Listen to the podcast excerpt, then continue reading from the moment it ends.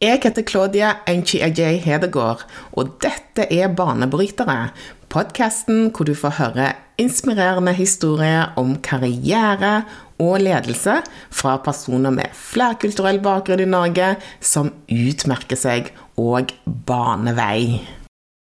Jeg har ofra ekstremt mye for det. Eh, jeg har ofra ekstremt mye fritid. Søvn, hvile. Uh, ubeskrivelig mye komfort jeg har ofra. Uh, men viktigst av alt, jeg har risikert mye. Jeg har risikert everything. Uh, og det er noe jeg har vært villig til å gjøre, og det er noe jeg er villig til å gjøre videre. Mm. Fordi at jeg tror ikke på at en litt sånn safe konservatisme er det som bringer oss menneskeheten fram i tid. Og jeg tror vi må ta litt risikoer og ikke bare banke på døren, men også sparke det inn. Ukas gjest er imponerende og usedvanlig ambisiøse. Nima Shahinian er Norges første astronautkandidat som har fullført trening for å reise til verdensrommet. Han er lidenskapelig opptatt av design, vitenskap, innovasjon, teknologi og ledelse. Han er industridesigner og eksmilitær leder nå det banebrytende prosjektet Next Step Space, som skal drive fram et historisk forskningsprosjekt som vil endre menneskelig romfart for alltid. Nima han eh, har en eh, mastergrad i produktdesign fra Oslo Met.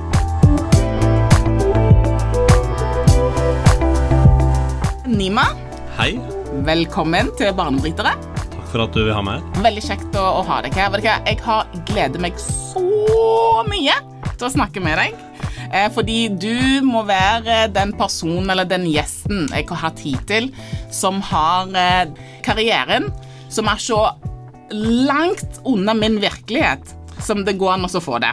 Og med alle de fantastiske gjestene du har hatt her, så må jeg jo si at det er et kjempestort kompliment. Ja. Så takk for det. Ja. Det er ingen av de så, som trener til å bli liksom eh, astronaut. så ja, der er du veldig unik. Men uh, veldig kjekt at du ville komme og prate med meg i dag. Takk. Um, hvordan går det med deg i dag? Veldig bra. I dag er en fin dag. Uh, det regner litt ute. Jeg syns det er litt deilig. at Nå har vi hatt noen dager med sol, og da syns jeg det er digg med litt regn. Så jeg har det veldig bra i dag. Du har det bra i dag? Ja, Veldig hyggelig å være her òg. Ja, hva du har funnet på? Jeg har sittet på kontoret, hatt noen møter, eh, litt spennende møter. Snakka med noen folk om noen spesielle bakteriefrie materialer og sånn. Så, så, så, det er det dagene mine ofte går i når jeg er her i Oslo. Mm. Mm. Så du har faktisk en heltidsjobb òg, eller? Ja, jeg har det. Jeg er ansatt i NOAH Consulting som senior manager. Og, men eh, NOAH gir meg friheten til å drive astronauttrening og utvikle Norges neste romfartsprosjekt. Så ja. Mm. mm. ja. Ja, men det var jo rett på saken. Det var ja, ganske beinhardt. men hva, jeg må bare spørre deg, eh, Nima. da du vokste opp, hva var det du så for deg at du skulle bli? Vel, jeg vokste opp med en far som eh, designa biler som er designer. Eh, og, jeg så for meg fra veldig tidlig av, jeg var bare en fem-seks år gammel da jeg bestemte meg for å bli bildesigner. Eh, det var veldig, veldig tidlig, men det var veldig spesifikt bildesigner, ikke mm. designer generelt. Så, så, det var det jeg alltid så for meg at jeg skal bli. Og gjennom hele oppveksten min så har jo alt som finnes av lærere og voksenfigurer i livet mitt dokumentert dette. At det er det Nima sier at han skal bli. Mm. Mm. Og det ble du? Det ble jeg. Det ble du? Ja, ja. Du Kan ikke du fortelle om eh, den bilen som jeg har lest om at du har eh, vært med å designe, eller ledet Eh, arbeidet med å designe det. Ja, Lamborghini eh, LP 1200. Ja. ja. Det er en eh, bil som ble gjort i samarbeid med Lamborghini og et norsk ingeniørselskap som heter Cyrus. Um, dette er et prosjekt jeg ble henta inn til for å gjøre et designprosjekt, hvor ideen var å bruke en eksisterende plattform, som det heter, dvs. Si en ramme og motor, og så se om man kan liksom rive fra hverandre dette her og utvikle og designe en enda bedre bil. Og så ble jeg henta inn på det fordi at jeg hadde en ekspertise innenfor aerodynamikk, som betyr hvordan eh, lufta og vinden oppfører seg rundt et objekt. Og så begynte vi arbeidet og endte opp med å designe over 900 deler, eh, inkludert motorer. Og det blei jo verdens raskeste og kraftigste Lamborghini noensinne bygd, da. Hmm. Men det er jo ikke der hjertet mitt ligger. Det er jo, jeg, jeg finner en enda større fascinasjon i å skulle designe fornuftige bybiler, f.eks. Det er mye mer komplisert å gjøre det eh, enn å designe superbiler som går fort. Men det er veldig mye læring i det for meg som jeg tar med videre. Men er den bilen i produksjon, eller er den på gaten? Eller hvor er ja, det designet der? Ja, det er bygd en to-tre stykker hittil. Ja. Eh, Den ene er eh, levert til kunde nå, eh, og så kommer de til å fortsette å levere. Det skal sies at jeg har jo bare vært eh, designer, altså sjefsdesigner på det prosjektet. Jeg, har- jeg, har ikke, jeg har ikke noe med businessen bak å gjøre, men jeg følger med på hva som skjer. da. Så her er det kapasitet til å bygge 15 biler i året. Ja. Mm. Men du, da du var på skolen, var du, var du som nerden som satt eh, på første rad eh, i klassen og rakk opp hånda hele tiden, eller? Jeg var nerden som satt bakerst i klasserommet og ikke fulgte med. Fordi at jeg hadde en enorm fascinasjon for teknologi, og jeg hadde en enorm fascinasjon for mange av de tingene fagene innebar. Eh, Men jeg fungerte veldig dårlig på skolen, spesielt barneskolen, og også ungdom og videregående skole funka ikke i det hele tatt, egentlig. Eh, Og det var ikke fordi at jeg ikke var nerd nok. Jeg var nerd nok. Jeg tror bare veldig, veldig mange av lærerne mine det kan jeg skryte høyt av, og så har jeg lærere også som ikke var kjempeflinke til å inspirere til hvorfor deres fag var så fascinerende. Så, så det endte med at jeg falt av helt. Du falt av.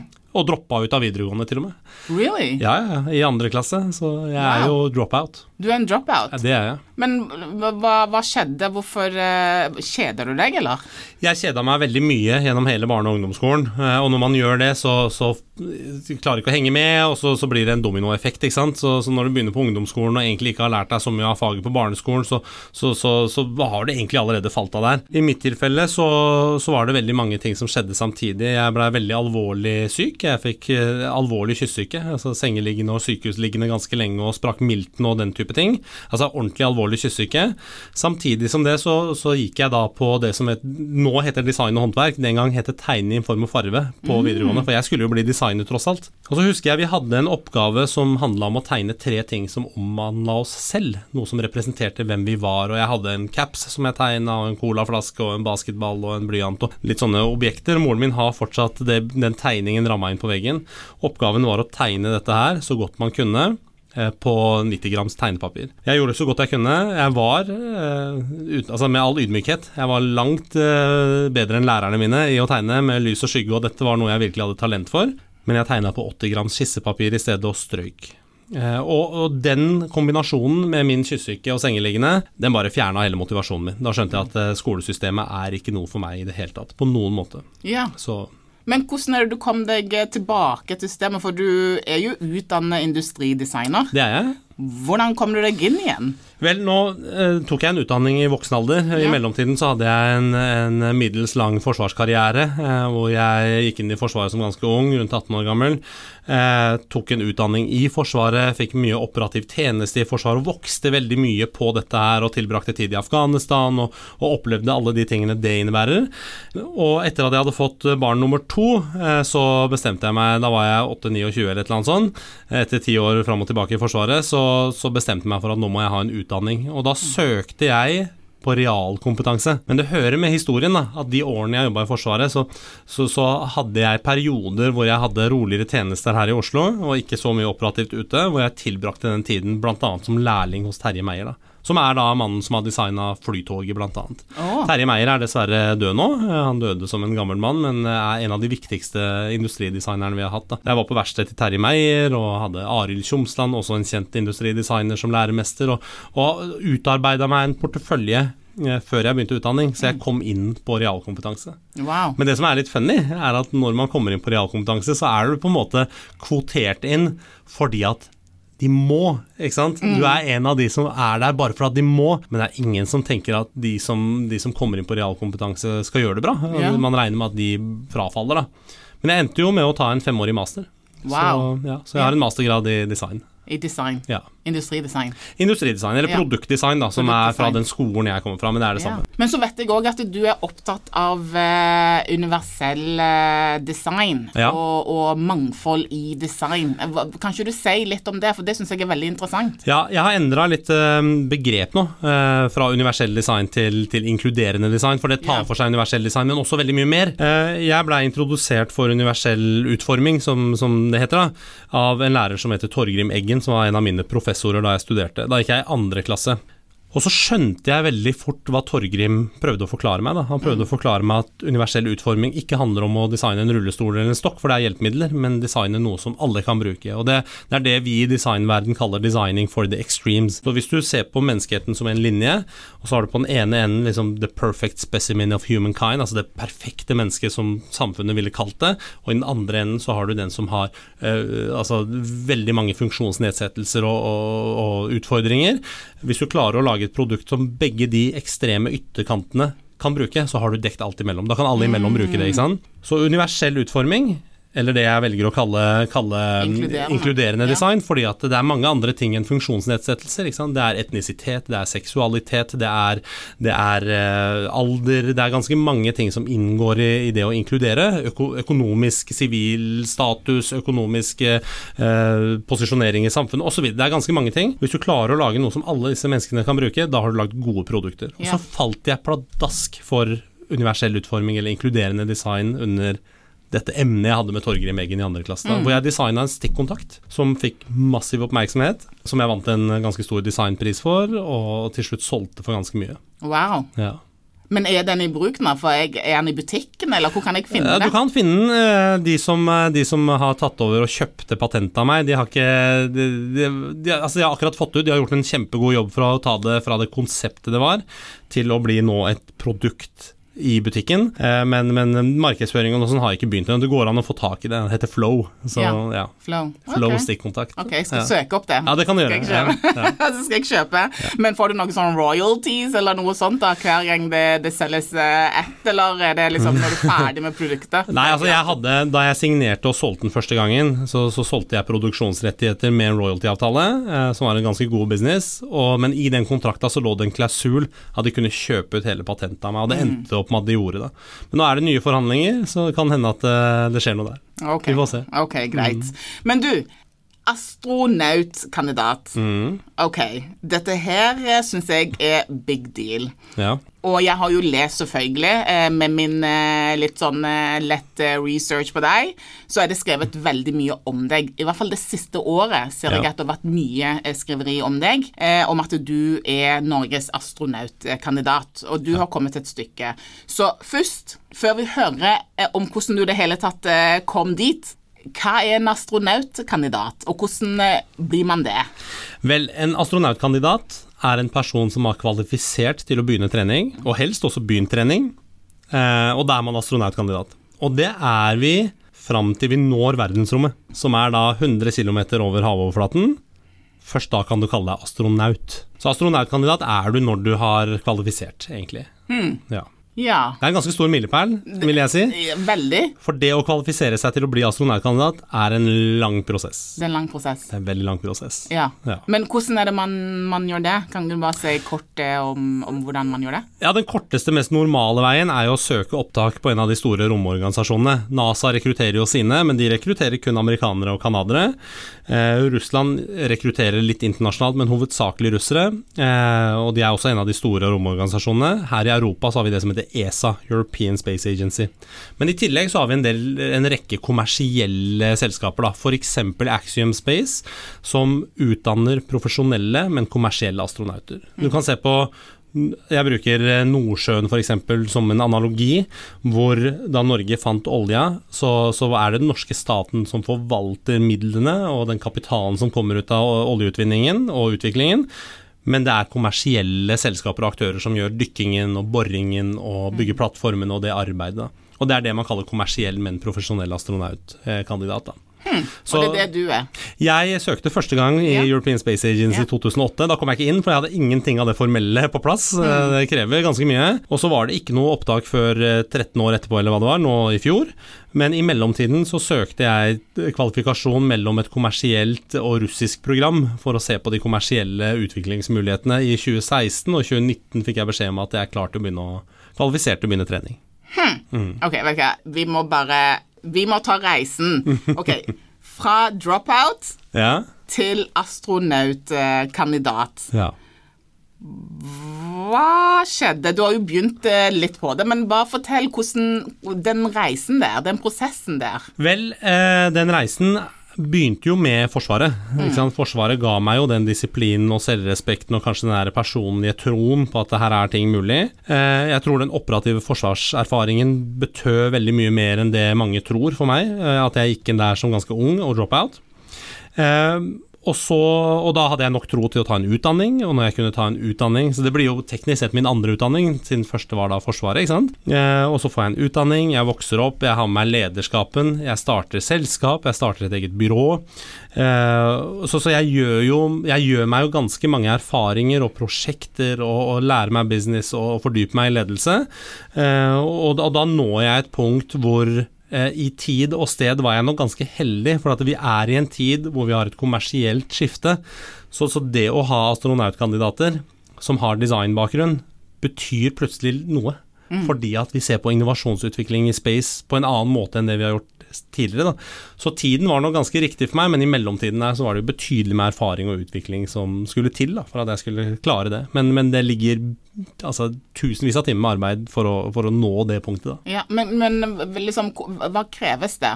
Hvis du kan bare gi oss et bilde av uh, hva det kreves av deg. Ja, ja, det er både hard skills og soft skills, yeah. som man kaller det. Hard skills er jo liksom alt utad. Altså hvordan du er kroppslig, eh, at du har en sunn helse, men, men, også en familiehelse som er ganske sunn. Vi ønsker å se ganske langt tilbake i tid og se liksom hva slags type arvelige sykdommer som ligger til grunn osv.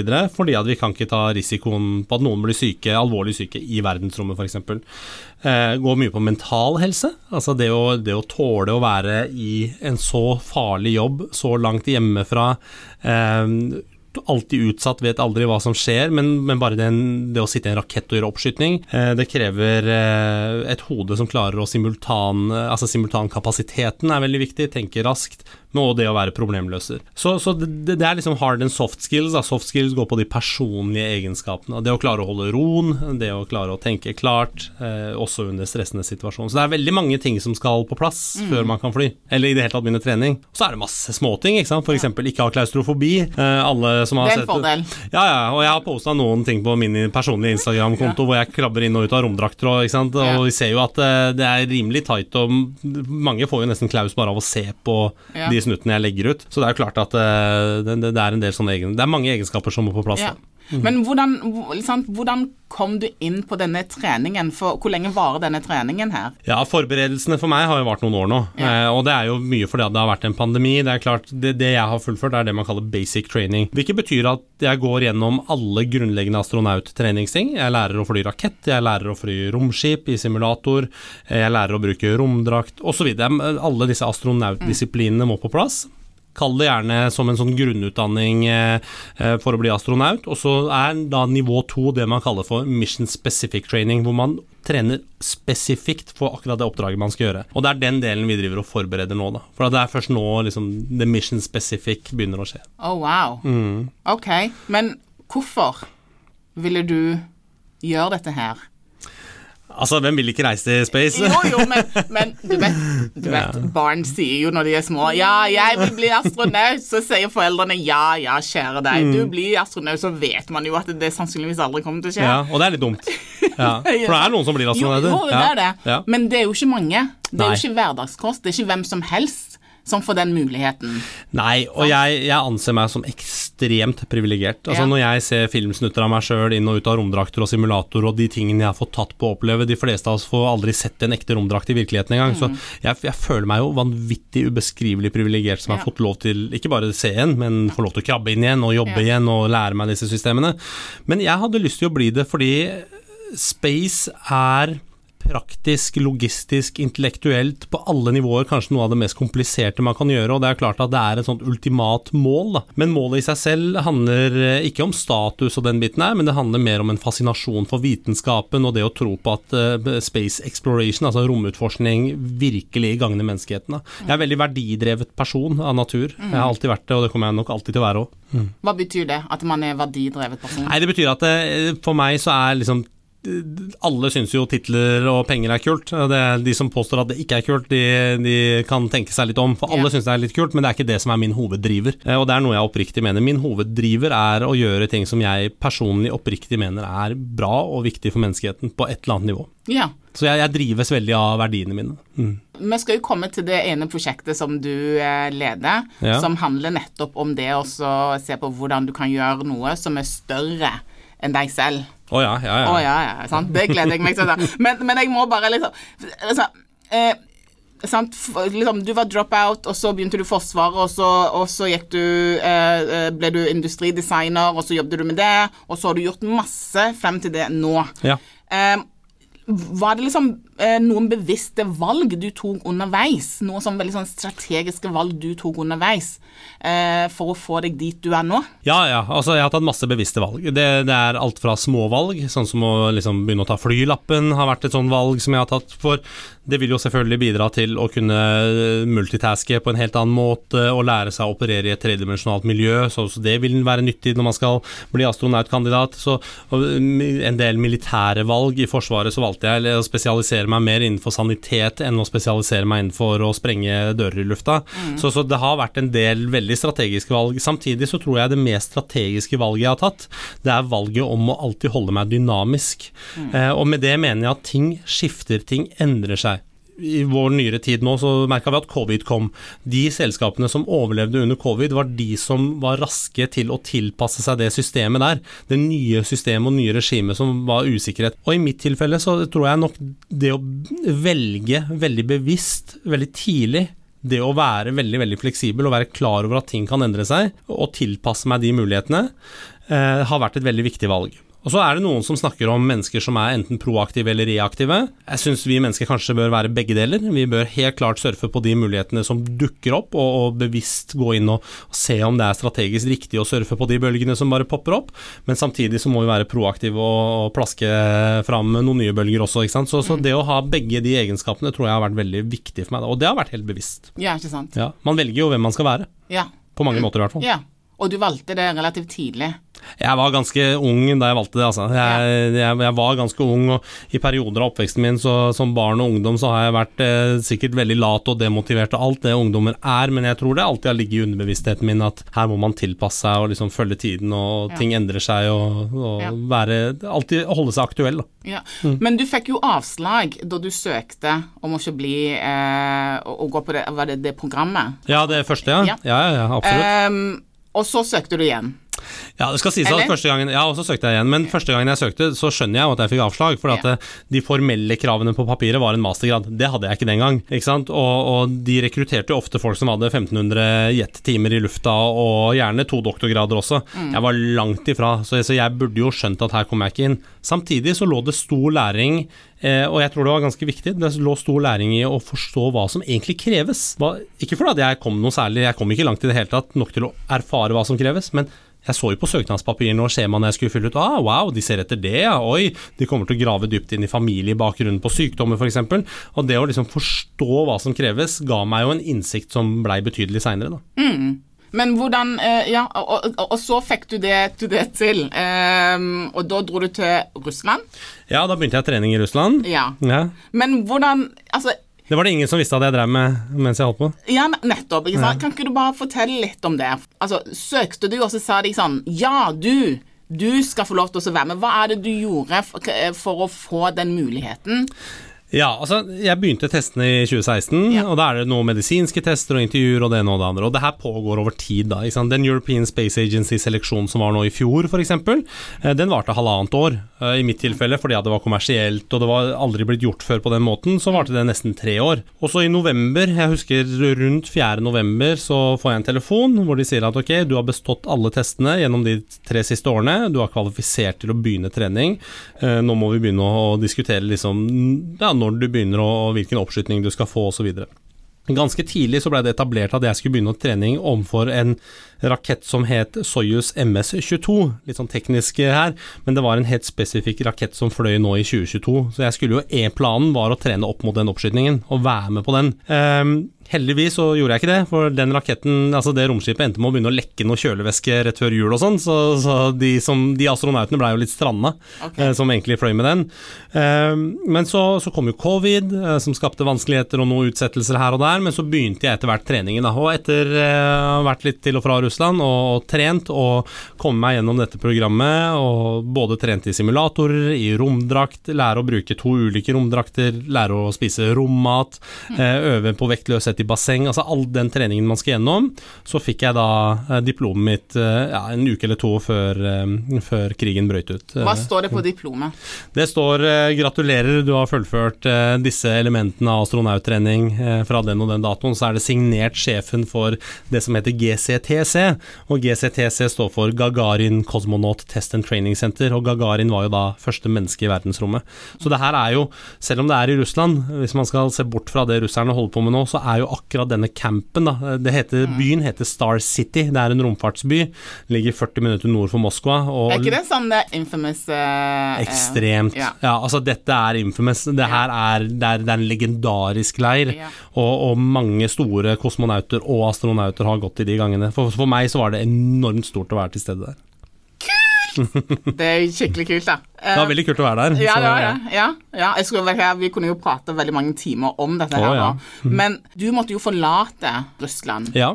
Men var du allerede ferdig? Hadde du fått sertifisering? Altså, jeg hadde akkurat fått, ja, akkurat fått sertifiseringen min og var kjempehappy og veldig sliten eh, mm. etter all trening og alt det som Og det, og det kjenner jeg i kroppen òg, etter all den tid og sånn gul og blå.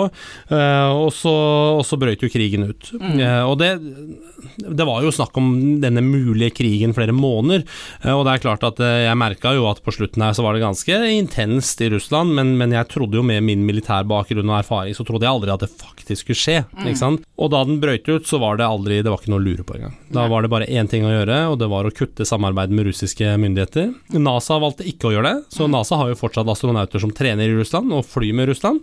Og det er fordi at de har et crew exchange program, som det heter. De er mm. nødt til å fly med hverandres romskip for å sørge for at begge nasjoner alltid er til stede på romstasjonen. Så Derfor så gjør de det på den måten, så jeg skjønner det. Eh, men, men jeg var nok den eneste som kutta det samarbeidet, den type samarbeid i Russland da. Var det tungt? Eh, både ja og nei. For eh, det er et veldig lett valg å ta, fordi det er det eneste riktige valget å ta. Vi må huske at en krig har alltid to sider. Men dette er ikke i mine øyne en krig, det er en invasjon. Dette er et land som invaderer et annet land. Og Jeg skal ikke gå altfor tungt inn i politikken, men, men, men, krig er alltid uetisk. Noen ganger så er det vist seg at det dessverre har vært nødvendig i noen tilfeller. Jeg skal ikke forsvare krig på noen måte, bare så det er sagt, mm. men, men, dette her var helt ekstremt. Eh, mm. og det er det mange kriger som er. Men, for meg å samarbeide med et land som kan gjøre noe sånt i moderne tid her i Europa, eller noe som helst sted, det var bare helt feil. Det gikk mm. ikke. Så, så, så det valget å, å, kutte samarbeidet med russerne, det, det, var sånn sett veldig enkelt. Samtidig så er det jo klart noe jeg har jobba mot hele livet. Det har vært et nåløye å få lov til å gjøre de tingene jeg har gjort der. Og det å bare skulle kutte det når jeg sitter med en oppskytingsdato og vet hvilken maskin jeg skal fly med og alt er klart, noe så stort som det her, så var det også sånn sett veldig vondt, da. Så jeg vil si at valget var enkelt, men allikevel veldig vondt og tungt. Hmm. Mm. Det høres utrolig kjipt ut, da. Men jeg forstår jo, for du, er jo, du sa jo at du, du, er opptatt av å følge dine verdier. Du er verdidrevet. Så, og jeg er veldig verdidrevet. Så det, ja. makes sense.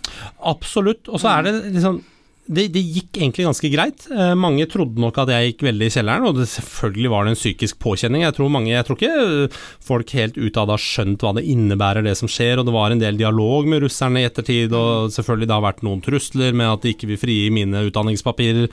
Så, så, noe fram og tilbake har det jo vært med russerne i ettertid, som, som uh, allmennheten ikke har fått høre så mye om. Men, men, jeg har alltid hatt den oppfatningen at hvis man skal klare seg innenfor de målene man setter seg, så så er det veldig viktig å eh, Altså, noen har en tendens til å feire litt for hardt mm. Eh, med hver eneste lille minste suksess, eller gå altfor langt i kjelleren ved minste motgang. For min del så, så holder, gjelder det å holde seg nøytral. Altså, får vi gode nyheter, så bør vi sette oss ned og gjøre en, en debrief og en evaluering. Hva gjorde jeg riktig nå, hvorfor gikk det så bra? Og mm. lære av det. Sørge for at den læringen faktisk ble etablert. Og hvis noe går gærent, stoppe opp, hva har gått gærent, og hvordan kan man finne en ny vei. Altså det å alltid holde seg litt cool mm. på det har vært veldig viktig. Ikke mm. feire for hardt, og ikke gå for hardt ned i kjelleren ja, heller. Ja. Så du er ikke sånn som danser av eh, jubel eh, hvis det er noe sånn, du er ikke sånn som tar helt av? Både òg, for det, jeg, jeg har veldig mye energi og veldig mye entusiasme. Ja. Eh, men, men eh, jeg er ikke den som popper champagnen eh, før gevinsten faktisk er der. Det er jeg ikke. Jeg er ikke på byen og, og feirer tre ganger i uka på noe jeg ikke vet hva jeg feirer. Ja. Eh, Det er jeg ikke. Men, men jeg, jeg syns det er helt kult at folk gjør det, og jeg, synes, jeg liker at folk feirer eh, seire, og det skal man også gjøre og være stolt av seg selv. For min del så er jeg, jeg er alltid litt nøytral på det, men, men jeg mangler ikke entusiasmen, tror jeg. Jeg tror mange eh, har sett den også. Det har hendt at jeg har feira litt, litt for tidlig. Ok. Ja. ok. Men man skal være litt forsiktig med det. Altså. Man skal være forsiktig. Men hva er det du har ofra? For dette her har du eh, Dette her med å, å bli Å liksom komme up to space. Hva er det du har ofra? For du har jo lagt inn arbeid, du har lagt inn penger, du har lagt inn sjela di, tid, Ja. mind, alt. Mm. Hva er det du har måttet ofre for det her? Jeg har ofra ekstremt mye for det. Eh, Jeg har ofra ekstremt mye fritid. Søvn, hvile. Uh, ubeskrivelig mye komfort jeg har ofra. Men viktigst av alt, jeg har risikert mye. Jeg har risikert everything. Uh, og det er noe jeg har vært villig til å gjøre, og det er noe jeg er villig til å gjøre videre. Eh, Fordi at jeg tror ikke på at en litt sånn her eh, safe konservatisme er det som uh, bringer oss menneskeheten fram i tid. Og jeg tror vi må ta litt risikoer og ikke bare banke på døren, men også sparke det inn. Ja. Så, så jeg har den holdningen der også. Men, men det er klart, veldig mye av det vennene mine har hatt mulighet til å gjøre, og, og nå har jeg en ganske hardtarbeidende vennegjeng, da, og jeg mener ikke at alle skal være sånn, man skal nyte livet og, og kose seg, men det er klart at det, det har jo, vi har jo ofra alle som har vært involvert i dette prosjektet, har ofra mye tid og, og ressurser og energi. Og, og nattesøvn. Mye nattesøvn. Bekymringer, men også for å jobbe med amerikanere eh, med tidsforskjeller og sånn. Ja, skjønner. Ja. Men eh, det er ett prosjekt, eh, et ganske sånn eh, banebrytende eh, prosjekt, Ja. som du eh, leder. ja. Det heter jo Sansforskning, eh, og prosjektet heter Next Step Space. ja. Sa jeg det riktig? Du sier det helt riktig. Ja, begge deler. Ja. Veldig bra. Men du, veldig kort. Mm. Fortell hva dette her eh, banebrytende prosjektet er, og hvorfor det er så viktig. ja, og altså for å forstå prosjektet så må man først forstå hva Next Step Space er. Next Step Space er ikke lenger bare meg, men det er et, det nye norske bemanna romfartsprogrammet. Og det innebærer en rekke eh, astronautkandidatkolleger som jeg har vært så heldig å få med på teamet mitt, som har vært med å utvikle dette prosjektet.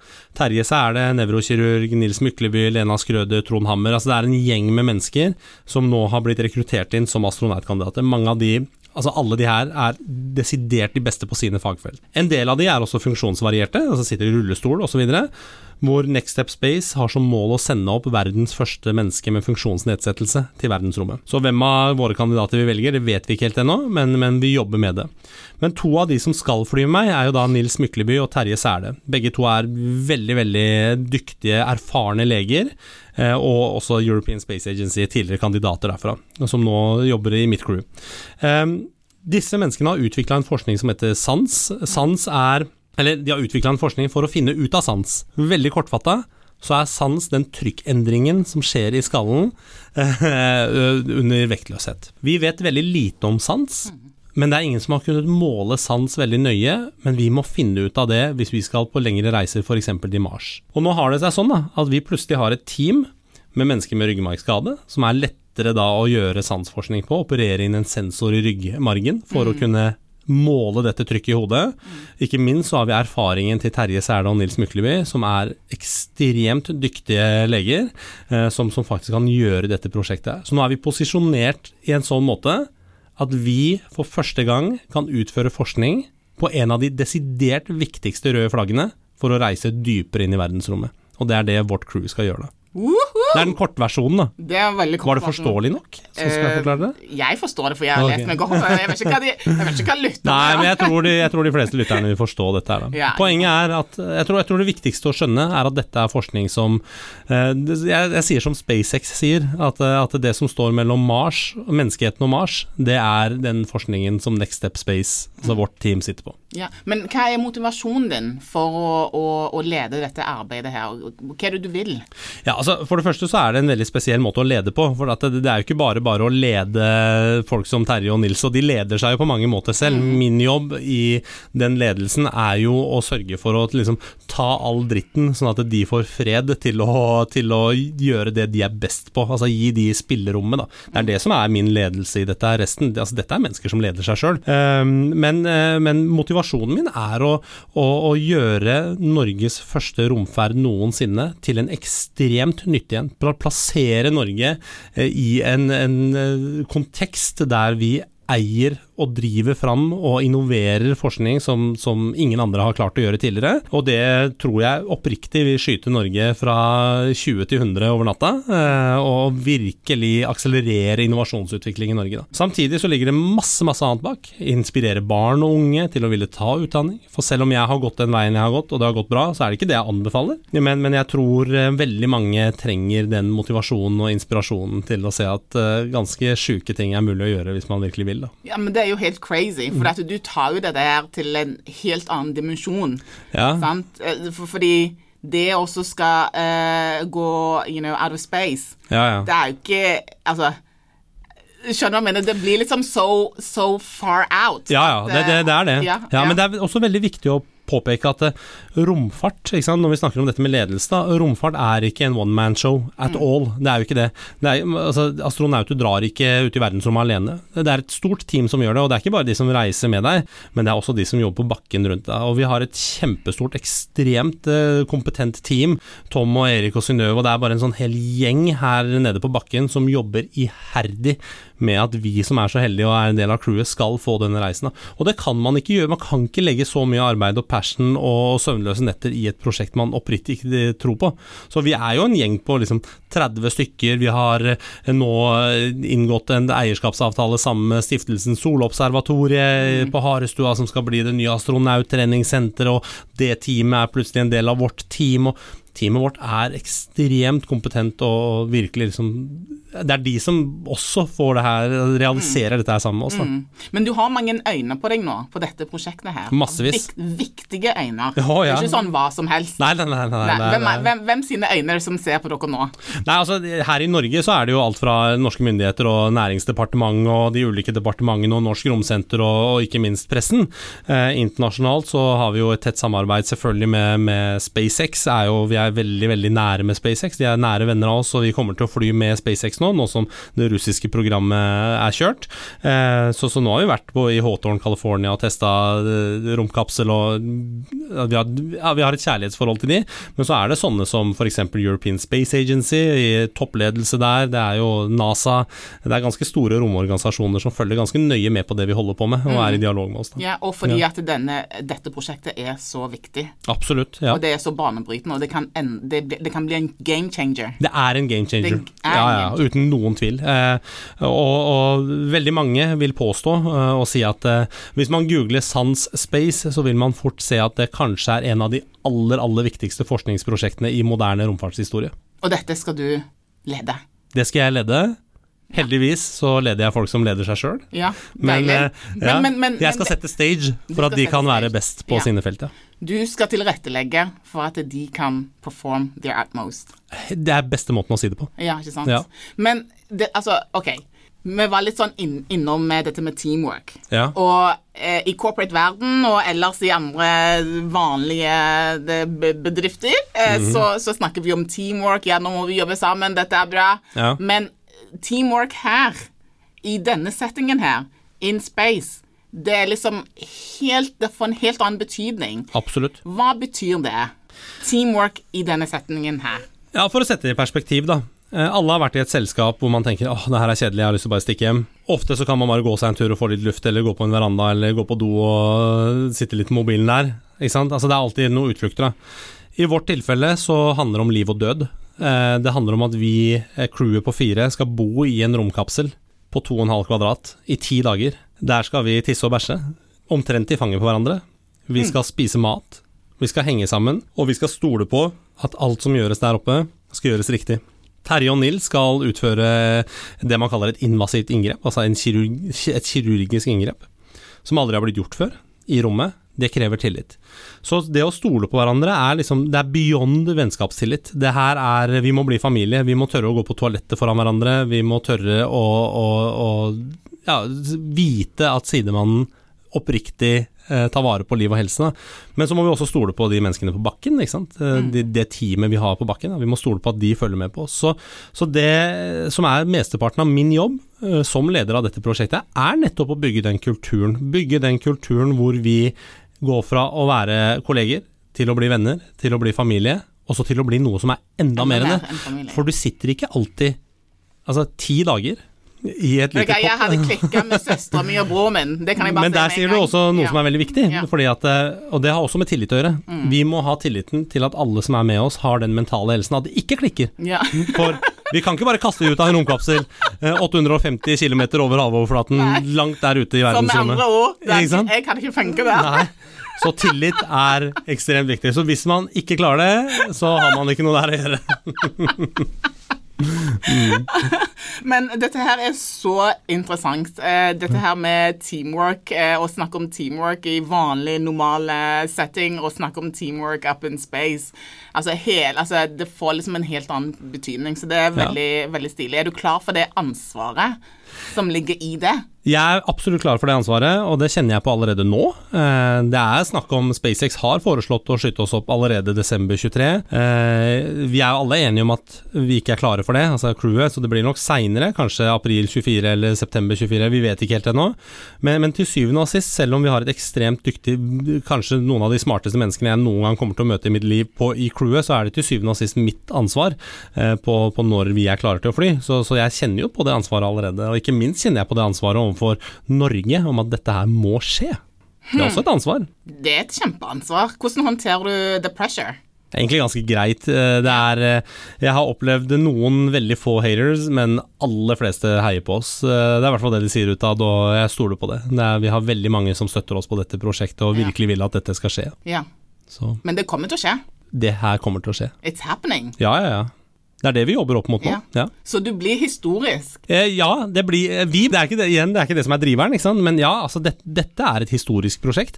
Det er historisk på veldig mange nivåer. Da. Husk at vi blir mest sannsynlig det mest kompetente space crewet noensinne, uavhengig av hva slags type mission.